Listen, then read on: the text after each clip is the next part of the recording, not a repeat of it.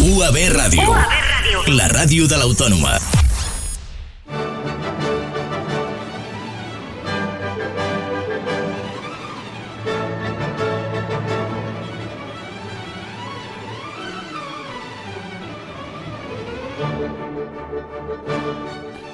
Benvinguts, amics i amigues, una setmana més a Sempre ens quedarà a l'òpera, la referència operística d'UAB Ràdio.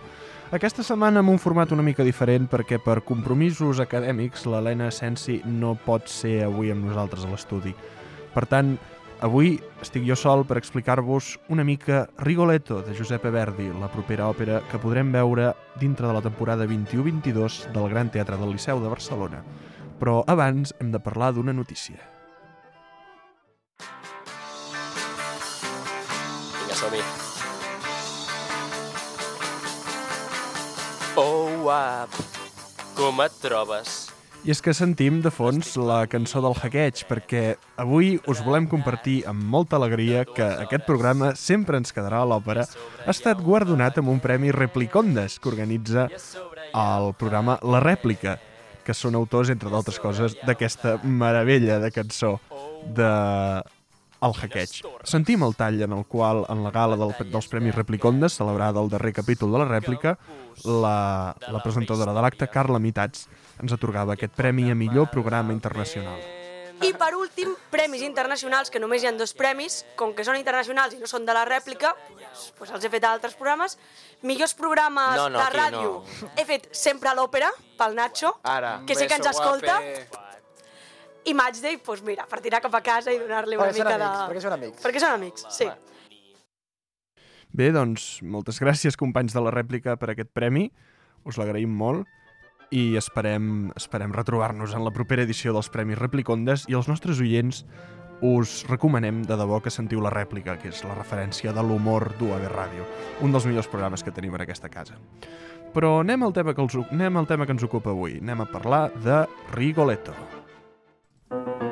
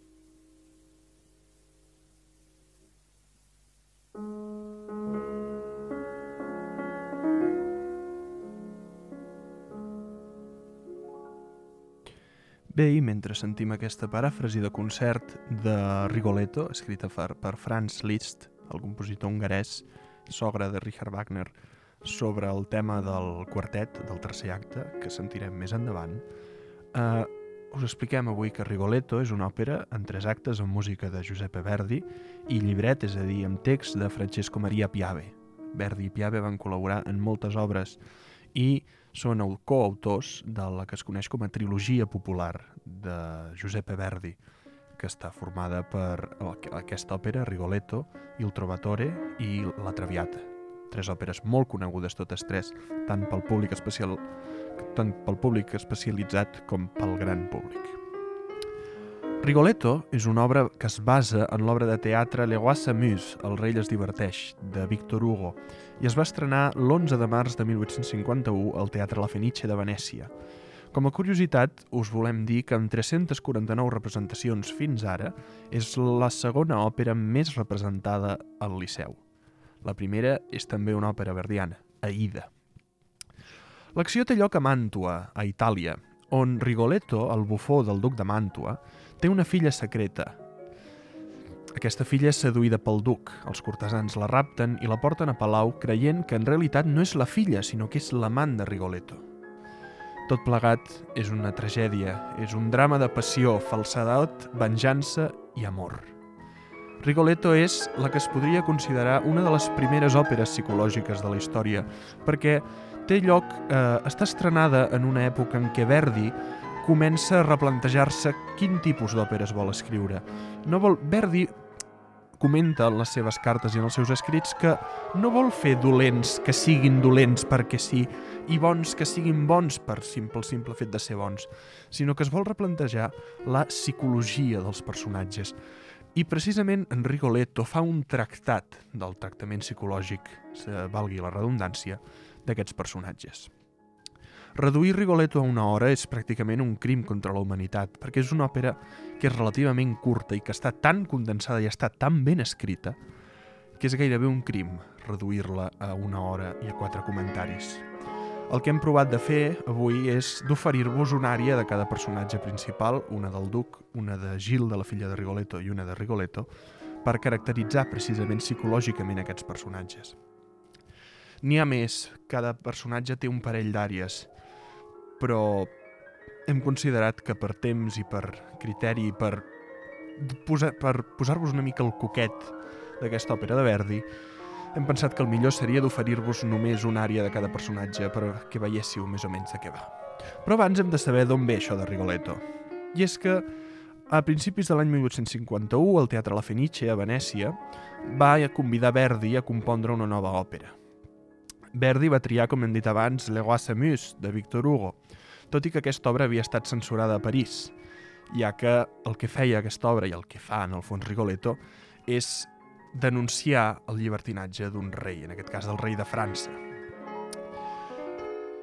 Òbviament això no es podia portar a escena per culpa de la censura imperant a Itàlia en aquell moment, i Verdi va acceptar des d'un principi modificar els noms i els llocs sense que sempre que es pogués conservar el nucli del drama. No obstant això, la censura va, va tallar molt aquesta obra de Verdi. El comunicat deia així el governador militar de Venècia, el senyor Gorzowski, deplora que el poeta Piave i el cèlebre músic Verdi no hagin sabut triar un altre camp per fer brollar els seus talents que el de la repugnant immoralitat i obscena trivialitat de l'argument del llibret titulat La maledizione. Originalment Rigoletto s'havia de dir la, la maledizione. Ja veurem per què. Sa excel·lència ha disposat vetar absolutament la representació i desitja que jo adverteixi aquesta presidència d'abstenir-se'n de qualsevol ulterior insistència. Com ja veieu, la censura, per dir-ho per dir simple i llanament, es va posar de cul amb aquesta obra. Aleshores, Piave i Verdi van fer uns certs canvis al text i als personatges que bàsicament van consistir en traslladar l'acció de la cort de França a una cort menor, com és el de la de Màntua, van convertir el rei en un duc, que és menys categoria, per tant, és menys important, van canviar els noms dels protagonistes invertats per Victor Hugo i van, van fer una sèrie de canvis que, que, no, que separen Rigoletto del que és el rei es diverteix. Verdi va acceptar les condicions de la censura i el contracte es va firmar. Aleshores, així va néixer Rigoletto tal com es coneix avui dia. Verdi, en aquesta obra, com hem dit abans, volia conciliar l'estructura tradicional del melodrama amb la complexitat psicològica del protagonista. I és que Rigoletto és un personatge que no és dolent, però tampoc és bo. És aquests personatges que no se saben si són bons o dolents, perquè no tenen una motivació clara per ser bons o dolents, i és el que els fa realment interessant. Comencem, però, a explicar l'argument del primer acte.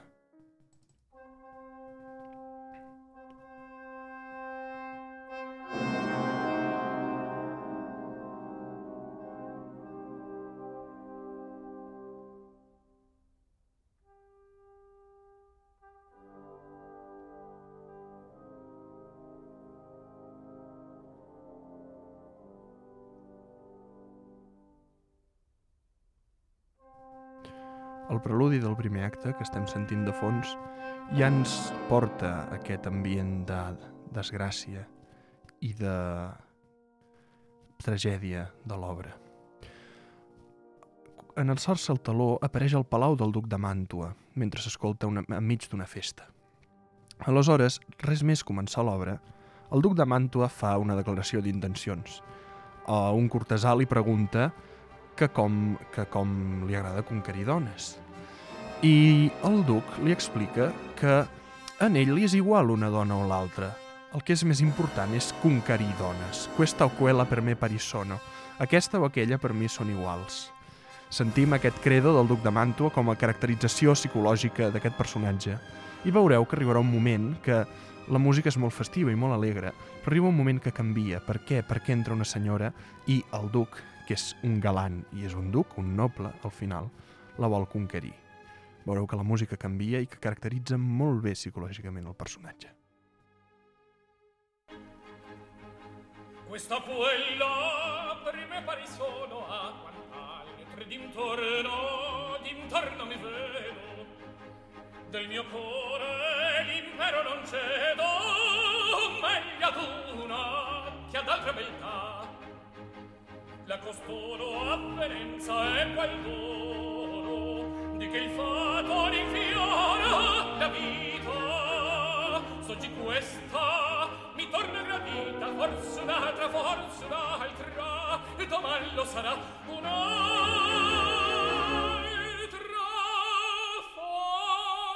forse un'altra domani lo sarà.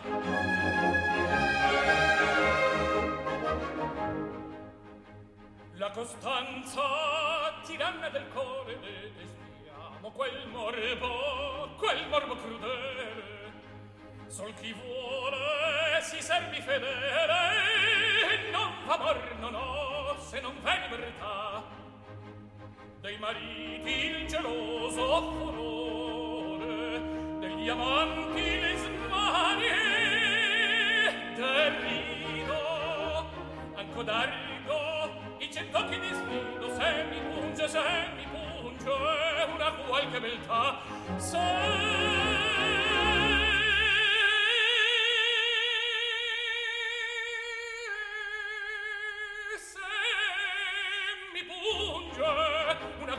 mi.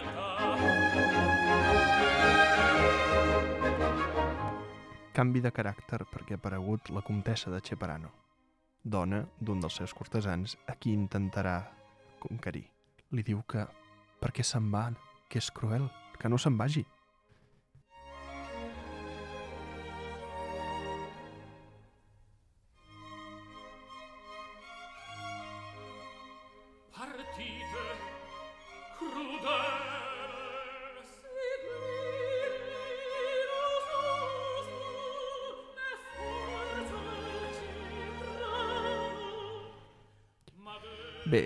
Qüestió és que el duc segueix intentant conquerir aquesta dona i arriba un moment que la dona se'n va. Aleshores, Marullo, un dels cortesans, apareix amb una gran notícia.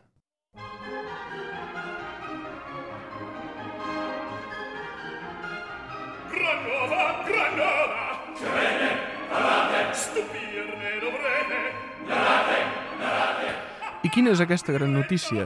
Doncs la gran notícia és que Rigoletto, el bufó del duc, que és lleig, que és geperut i que és estrafet, té un amant. I no s'ho creuen. No s'ho creuen, perquè no poden concebre que una persona tan lletja sigui, tingui un amant. La qüestió és que Rigoletto no té un amant. Té una filla, però els cortesans encara no ho saben. A tot això, el duc ha tingut una conversa abans amb un dels seus cortesans explicant que des de fa un temps, cada cop que va a missa, veu una noia. Aquesta noia resultarà ser Gilda, la filla de Rigoletto. Però tot plegat continua fins que, arribat un cert moment, apareix el comte de Monterone, a qui el duc ha seduït la filla. Aleshores, eh, Rigoletto i el duc se'n foten del duc i el, i el duc de Mantua se'n foten de Monterone. I arriba un punt que Monterone els maleeix.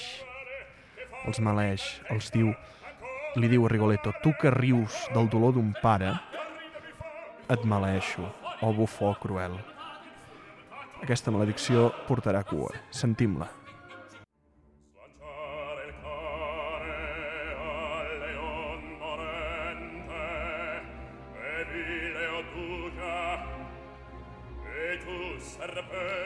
tu, serp, que rius del dolor d'un pare?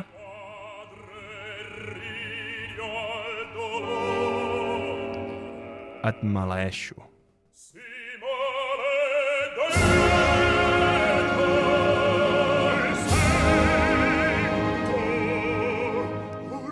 I això crea un escàndol general amb el qual s'acaba l'escena.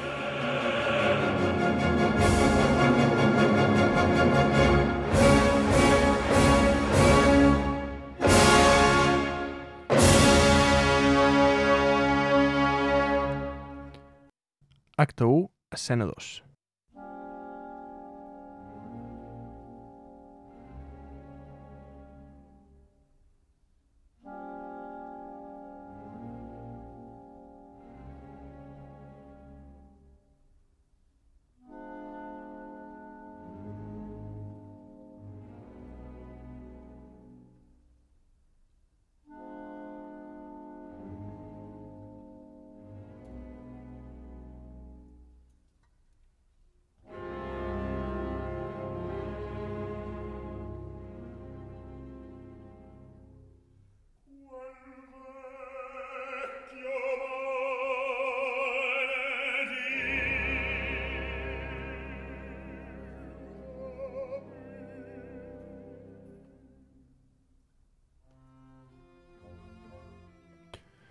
Som al carrer i Rigoletto es lamenta de la maledicció. Quel vecchio maledivami.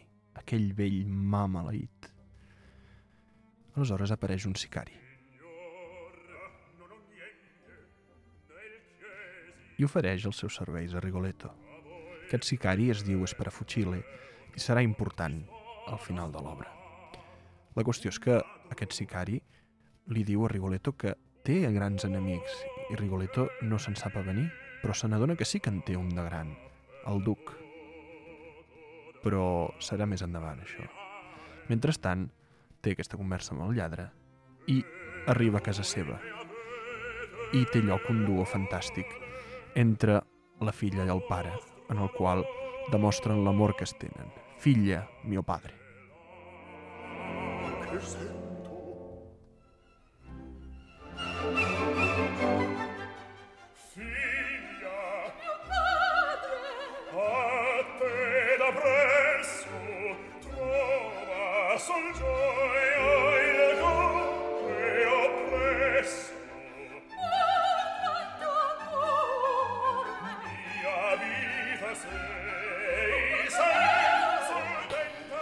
Efectivament, Rigoletto té una filla, aquesta filla es diu Gilda, i Rigoletto és una figura sobreprotectora amb la Gilda.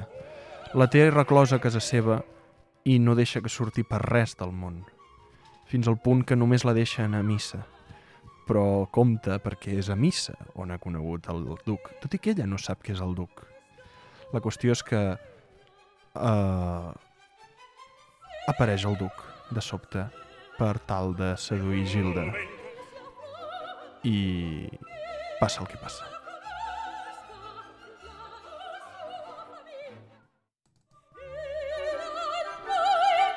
Gilda està cantant amb la seva cuidadora i de sobte apareix el duc dient que l'estima.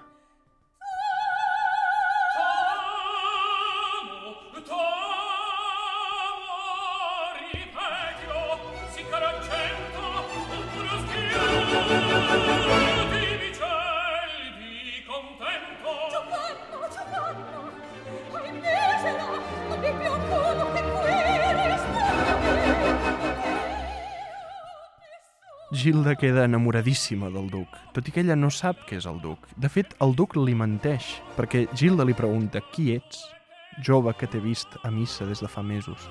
I li menteix, li diu, em dic Gualtier Maldé i sóc estudiant. No li explica què és el duc. Gilda no sap què és el duc. Rigoletto sí, però Rigoletto encara no sap que el seu duc ha seduït la seva filla.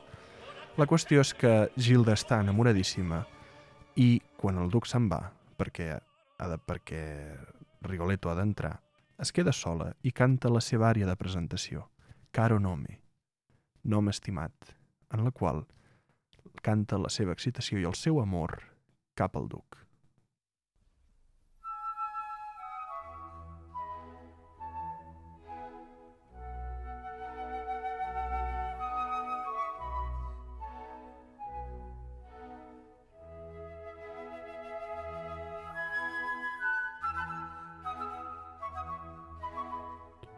Sentim la versió que canta la soprano nord-americana Beverly Sills.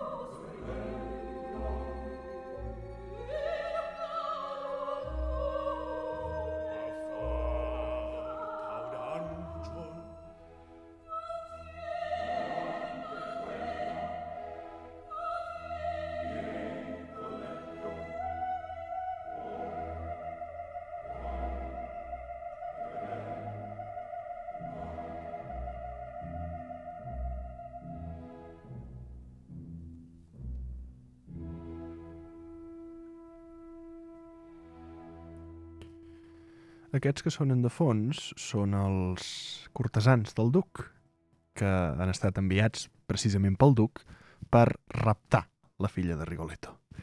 Rigoletto no sap res i es troba, eh, es troba tota aquella gent al carrer de casa seva perquè ha sortit a fora perquè hi havia un soroll mentre parlava amb la seva filla i volia saber què era aquest soroll. Aquest soroll era el duc.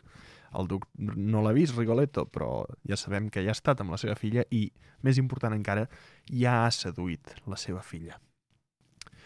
La qüestió és que els ducs, eh, els, els cortesans, aconsegueixen convèncer Rigoletto perquè es posi una màscara i rapti la seva filla, però li diuen que no raptaran la seva filla, sinó que raptaran la comtessa de Ceprano, que és la senyora amb qui el duc havia parlat a la primera àrea que hem sentit. Rigoletto s'ho creu perquè és fosc, perquè no se n'adona no se que està a casa seva i perquè Rigoletto doncs, no és una persona excessivament intel·ligent. És un, un personatge d'instints més, aviat, més aviat primaris. La qüestió és que els, els cortesans canten un cor, ziti, ziti, moviamo vendetta, cantat, eh, callats, callats, mm, farem la venjança, en el qual rapten a Gilda i sentirem com Gilda crida el seu pare perquè l'estan raptant. I al final sentirem com Rigoletto s'adona que a qui han raptat és a la seva filla, no la comtessa de Ceprano.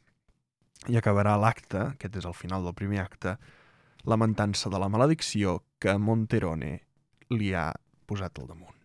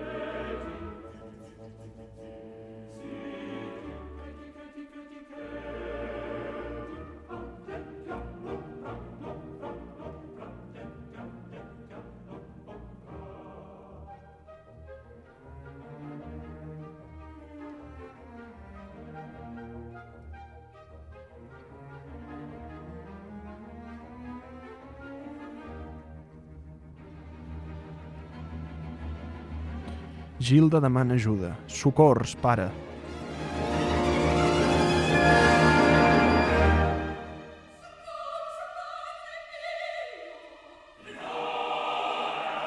Els cortesans criden victòria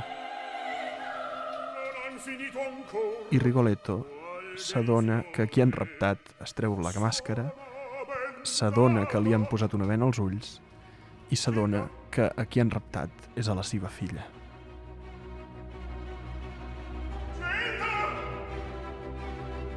La crida però no la troba.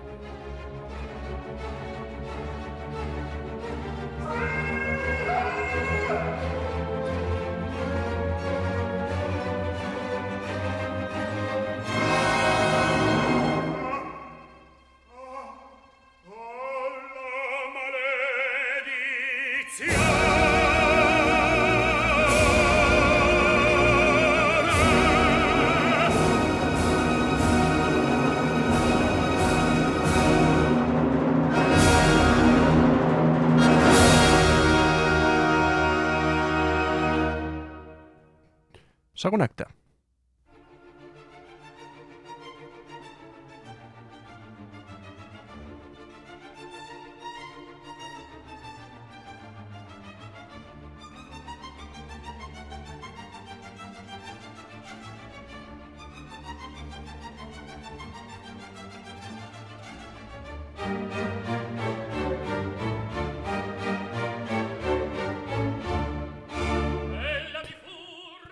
han raptat Gilda i el duc no ho sap i està preocupadíssim perquè, clar, perquè està enamorat, entre cometes, d'aquesta noia i no la troba. Ha tornat a casa de Rigoletto i no l'ha vist.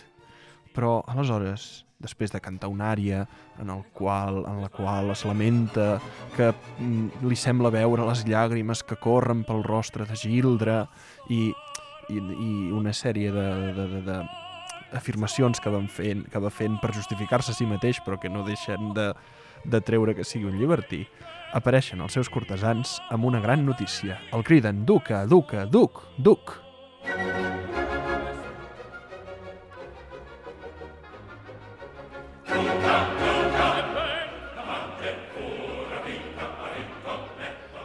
Hem raptat l'amant de Rigoletto. Diuen l'amant perquè encara no saben que és la seva filla.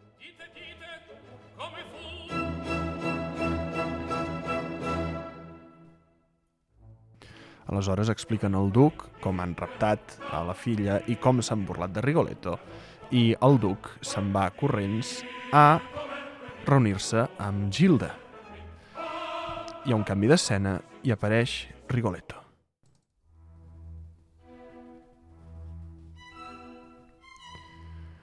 Apareix pel palau cantant una cançó, cantant per dissimular la seva pena, i va preguntant on és la seva filla, si els cortesans l'han vista, si saben on és.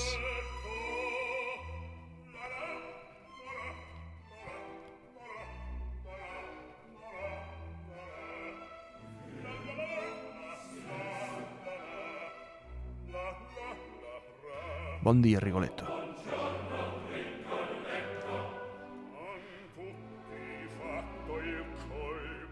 Se'n foten del pobre Rigoletto, bàsicament.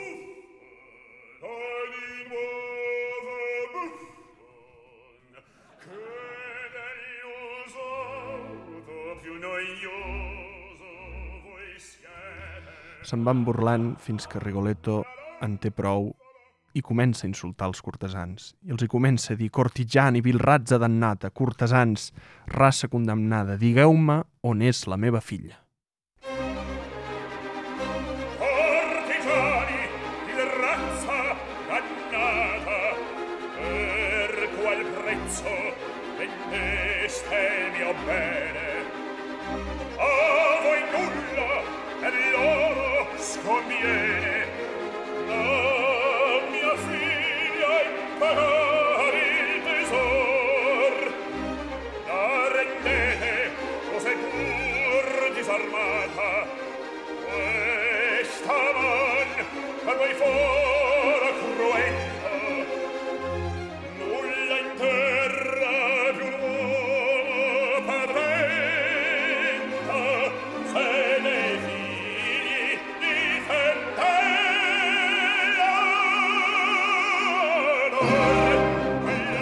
Obriu la porta, assassins. Sé que la meva filla és a la cambra del costat amb el duc.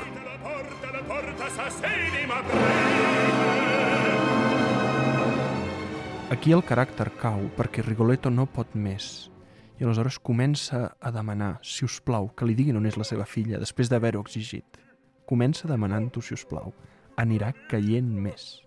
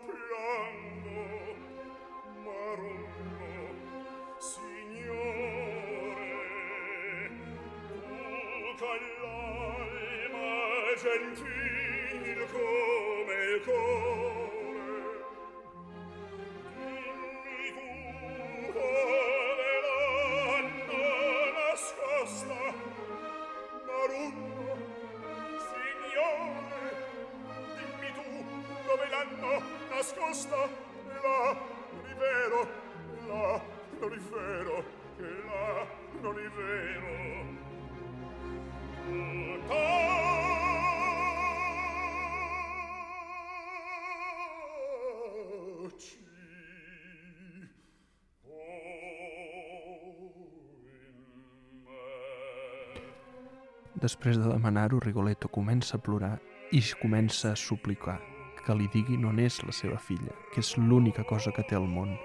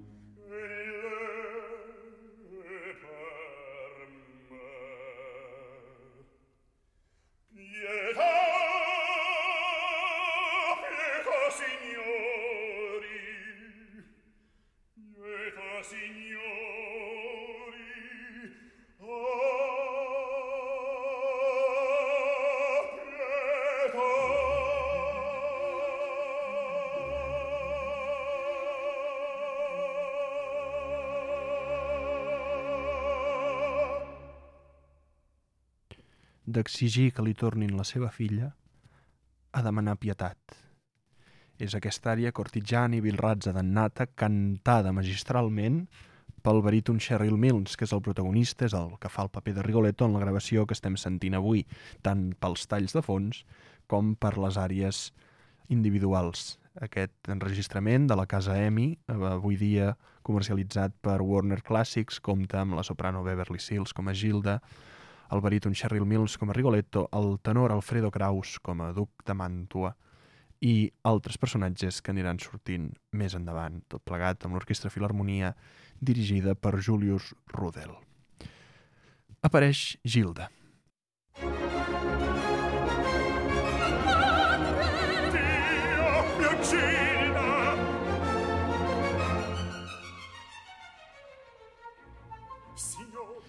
I efectivament ha passat el que havia de passar. Uh, Gilda ha passat pel llit del duc i li ha tret, eh, l'ha per- perdut la virginitat. Rigoletto, que només volia protegir la seva filla, no se'n sap avenir i plora desconsolat. Però de sobte passa per allà Monterone, el comte de qui hem parlat abans, i cama l'ahir Rigoletto. I passa per allà perquè el porten a executar-lo, perquè l'acusen de traïció. Es veu que ha volgut matar el duc i l'han descobert, perquè Monterone, com ja hem dit, eh, també li ha passat el mateix que Rigoletto. El duc ha seduït la seva filla. Doncs el duc en aquell moment eh, eh, veu un retrat del duc, Monterone veu un retrat, del, un retrat del duc i diu que és inútil perquè el duc sempre guanya. Però Rigoletto li diu que no. Li diu, no vell, t'equivoques. Jo em venjaré. És aquest final del segon acte, el si vendetta, no vecchio t'inganni, un vindice avrai. No vell t'enganyes, algú et venjarà. I proclama la seva venjança contra el duc. Si vendetta, tremenda vendetta. Si venjança, tremenda venjança. no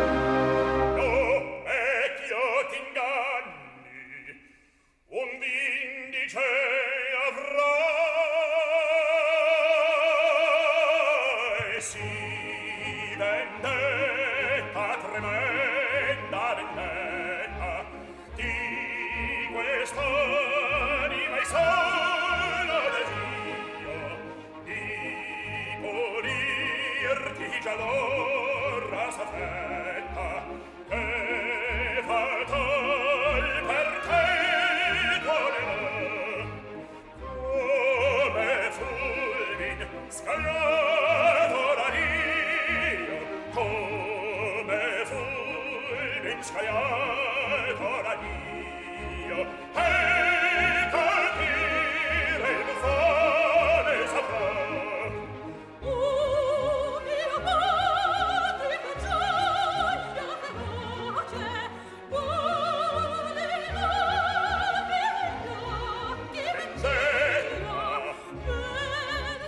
Gilda demana pietat pel duc perquè se l'estima i el vol salvar.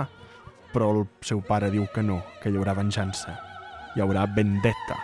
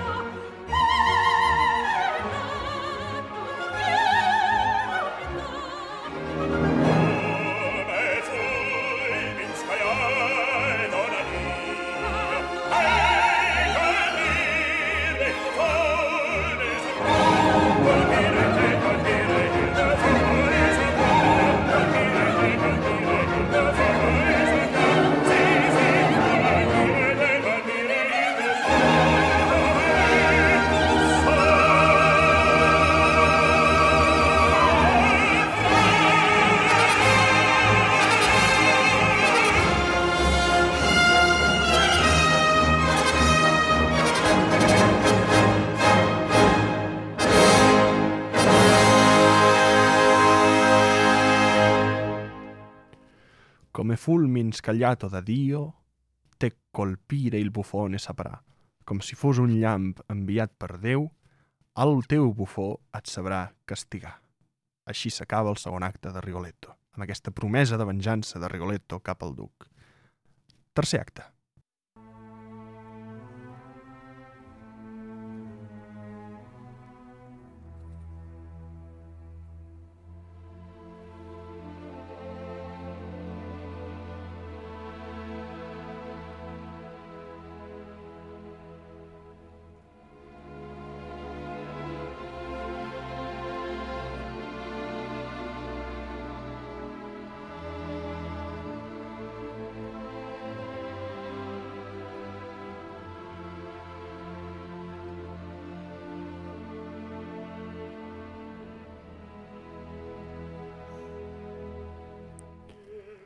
Som en una posada al costat del riu, a la nit, unes setmanes més tard. Rigoletto, que recordem que se li havia presentat un assassí, ha ordit un pla amb aquest assassí Esperafucile per matar el duc de Màntua. Ha portat la seva filla, que encara està enamorada del duc i que el vol salvar perquè no vol que el seu pare el mati, perquè vegi com és el duc. Quina és la trampa pel duc? La trampa és que Esperafucile té una germana que és prostituta, Magdalena. I ho han muntat de tal manera que el duc vegi la seva germana, la sedueixi i Esperafucile el pugui matar. Aleshores, de sobte apareix el duc i canta una peça que no necessita cap presentació. Sentim-la directament.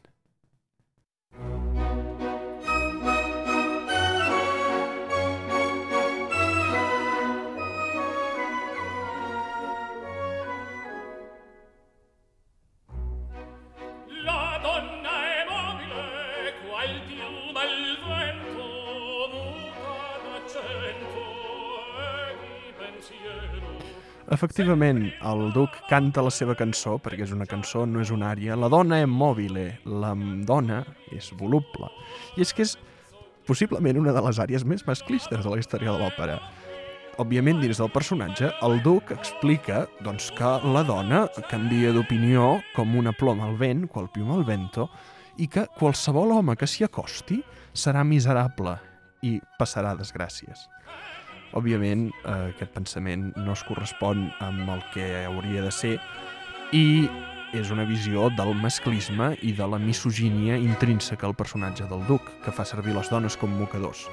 Al final és un llibertí i és el paper que fa. Amb aquesta àrea, amb aquest número, també presenta el seu credo.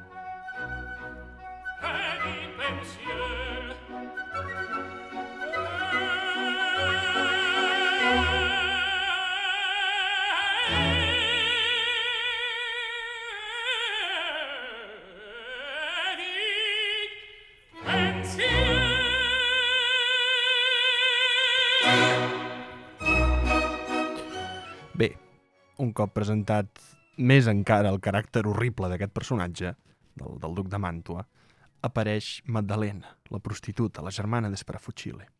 I el duc la intenta seduir, òbviament. I aquí té lloc una de les grans escenes d'aquesta òpera, el quartet de Rigoletto, en el qual es conjuguen quatre personatges alhora. Rigoletto, baríton, Gilda, soprano, Magdalena, mezzosoprano, i el duc, tenor. Aquest fragment va ser especialment lloat per Victor Hugo, autor de Le Roi s'amuse, l'obra en, en la que es basa Rigoletto, perquè aquí hi ha una anècdota que cal explicar, i és que al segle XIX els drets d'autor no existien. I aleshores qualsevol eh, compositor podia agafar una obra i fer una òpera a partir de, de, de l'obra d'alguna persona que pogués estar viva, com és el cas de Victor Hugo. La qüestió és que Víctor Hugo, que s'havia hagut d'exiliar de França per, per, per uns, unes crítiques que havia fet a la monarquia francesa, francesa reinstaurada després de la Revolució, eh, es va negar sempre a veure Rigoletto, perquè, perquè no, no, Verdi no li va pagar res per fer, la, per fer aquesta obra. La qüestió és que va arribar un moment que, que uns amics van convèncer Víctor Hugo per anar a veure Rigoletto a Brussel·les, que és on ell s'estava exiliat. I després del fragment que sentirem a continuació d'aquest quartet que barreja com el duc intenta seduir Magdalena, com Magdalena se n'en fot, com Gilda es lamenta perquè encara està enamorada del duc i com Rigoletto li diu a la seva filla veus, veus com és un mala peça? Després d'aquest fragment, Víctor Hugo explica l'anècdota que va afirmar si jo fos capaç de fer parlar quatre personatges alhora com ho fa el senyor Verdi, diu, quina qualitat que tindrien les meves obres. I és que realment, quina meravella el quartet de Rigoletto.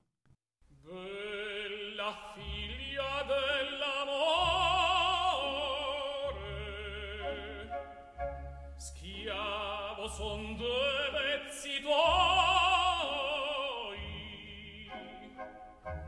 Con un detto un detto sol tu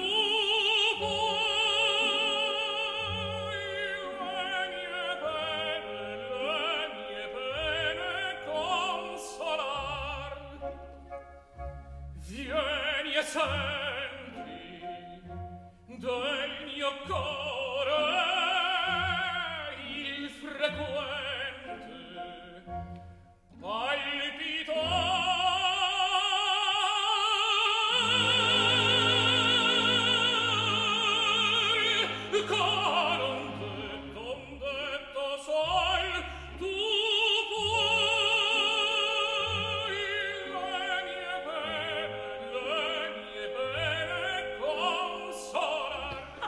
El duc hi ha fet el discurs i, i Madalena se'n fot. I Gilda es lamenta.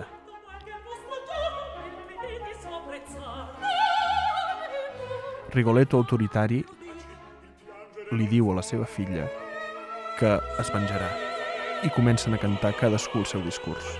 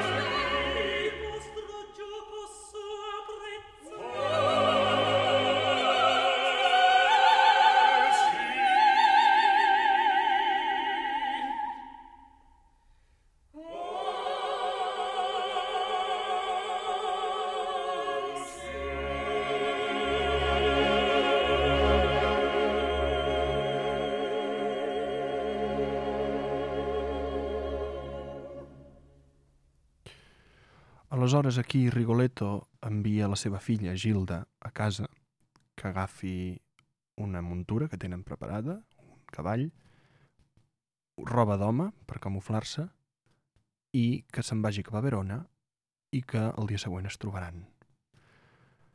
Gilda, òbviament, no fa cas del seu pare i agafa la roba d'home i se'n torna a la taverna.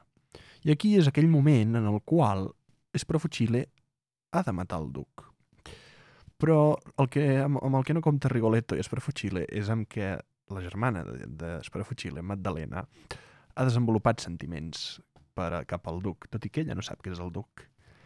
I aleshores hi ha un moment en què li demana al seu germà que no el mati aquell jove, que mati el primer que hagi de passar. E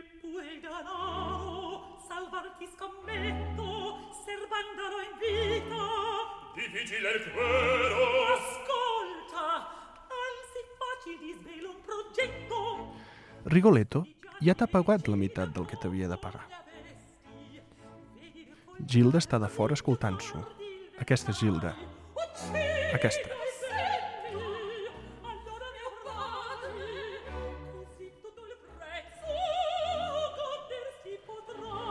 Sparafucile s'hi nega. Diu que no, que ell té un compromís amb el seu, amb el seu, amb el seu client. I diu que sóc un lladre, que sóc un bandit.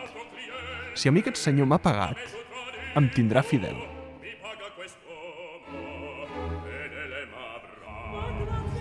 De fons es va gestant una tempesta, i amb aquesta tempesta hi haurà una de les grans troballes d'aquesta òpera, que el vent el fa el cor amb la, amb la boca chiusa, amb la boca tancada. És a dir, els homes fan el so de la tempesta. I aquesta tempesta és molt suggestiva perquè no se sap. És el vent? És la tempesta? Són ànimes que, que suren pel món, per l'eteri? No se sap.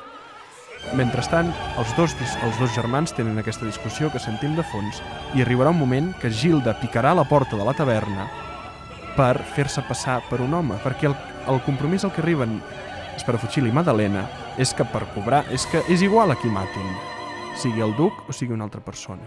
I el que li demana Madalena al seu germà és que mati la primera persona que passi i que obri la porta. I Gilda el que farà serà entrar, picar la porta i entrar. ancora c'è mezz'ora attenti fratello che piangita donna né a lui la ruita segno di amore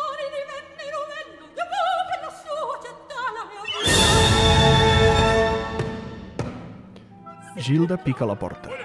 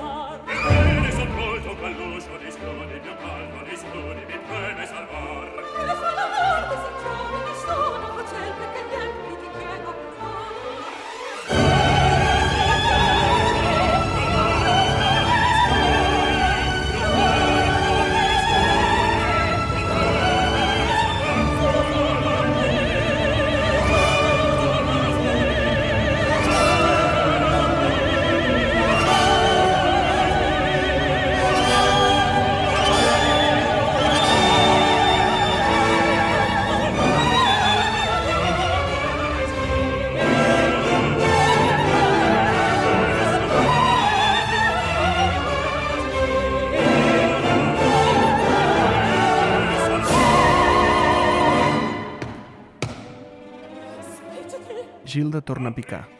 Obren la porta. I, efectivament, Sparafucile la matarà.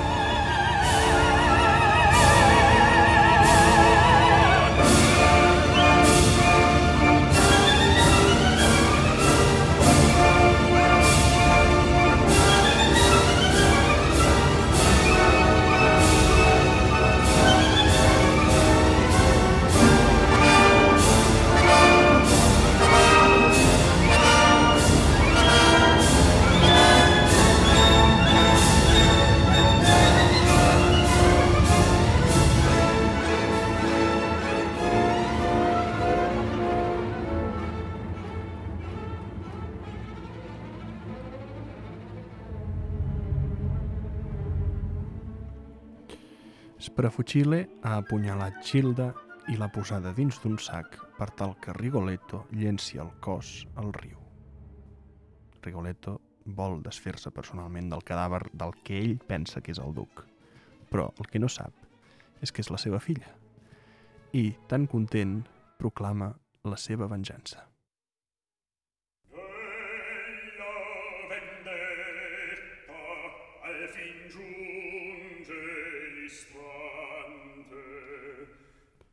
Ha arribat l'hora de la venjança. El que no sap és que qui porta en el sac és la seva filla. Arribarà un moment que se n'adonarà. Se n'adonarà i preguntarà a Gilda que qui fa en aquell sac, que qui, que qui li ha fet mal. I Gilda li explicarà tota la seva història.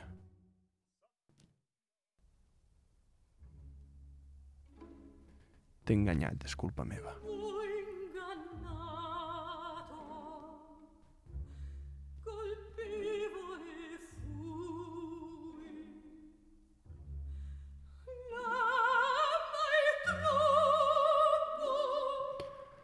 L'estimava tant que no podia acceptar que morís.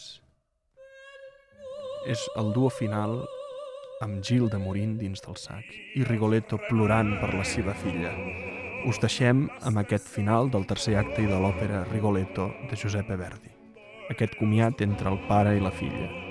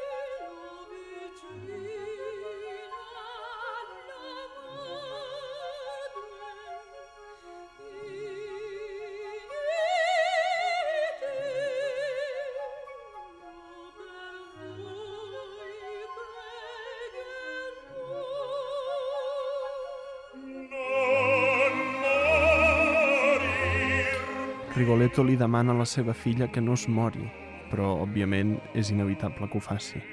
Està ferida de mort.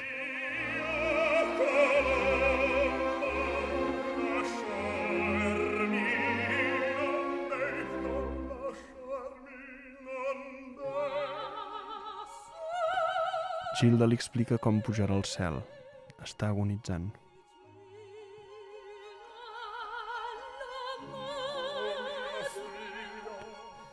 I que allà dalt al cel coneixerà la seva mare, l'única dona que, que ha estimat Rigoletto i, i a qui no ha conegut perquè va morir quan ella va néixer.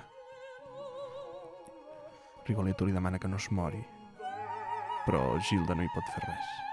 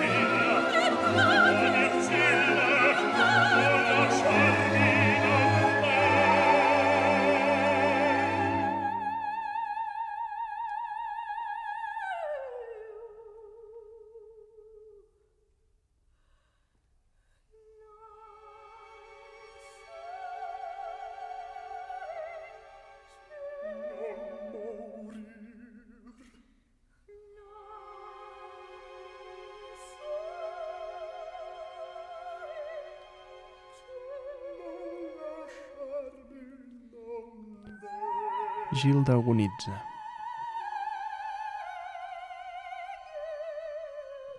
I finalment,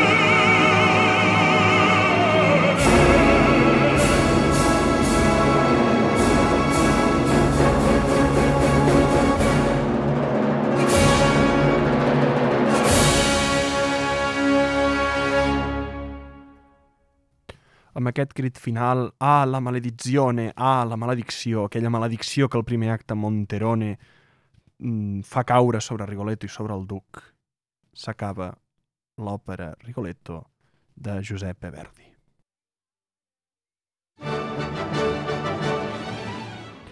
Bé, i a vosaltres, amics i amigues, esperem que hagueu gaudit d'aquest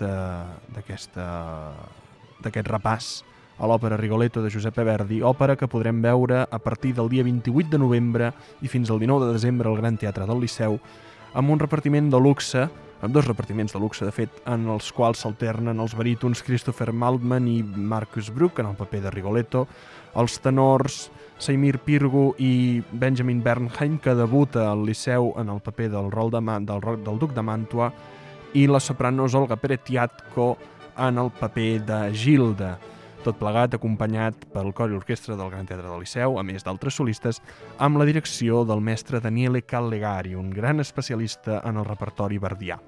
A vosaltres, amics i amigues, us emplacem a la setmana que ve, en la qual esperem que ja hi haurà tot l'equip a l'estudi i en la qual farem una nova edició de Sempre ens quedarà l'òpera, la referència operística d'UAB Ràdio.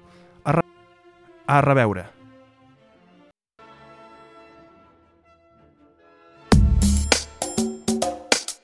UAB Ràdio. La ràdio de l'Autònoma.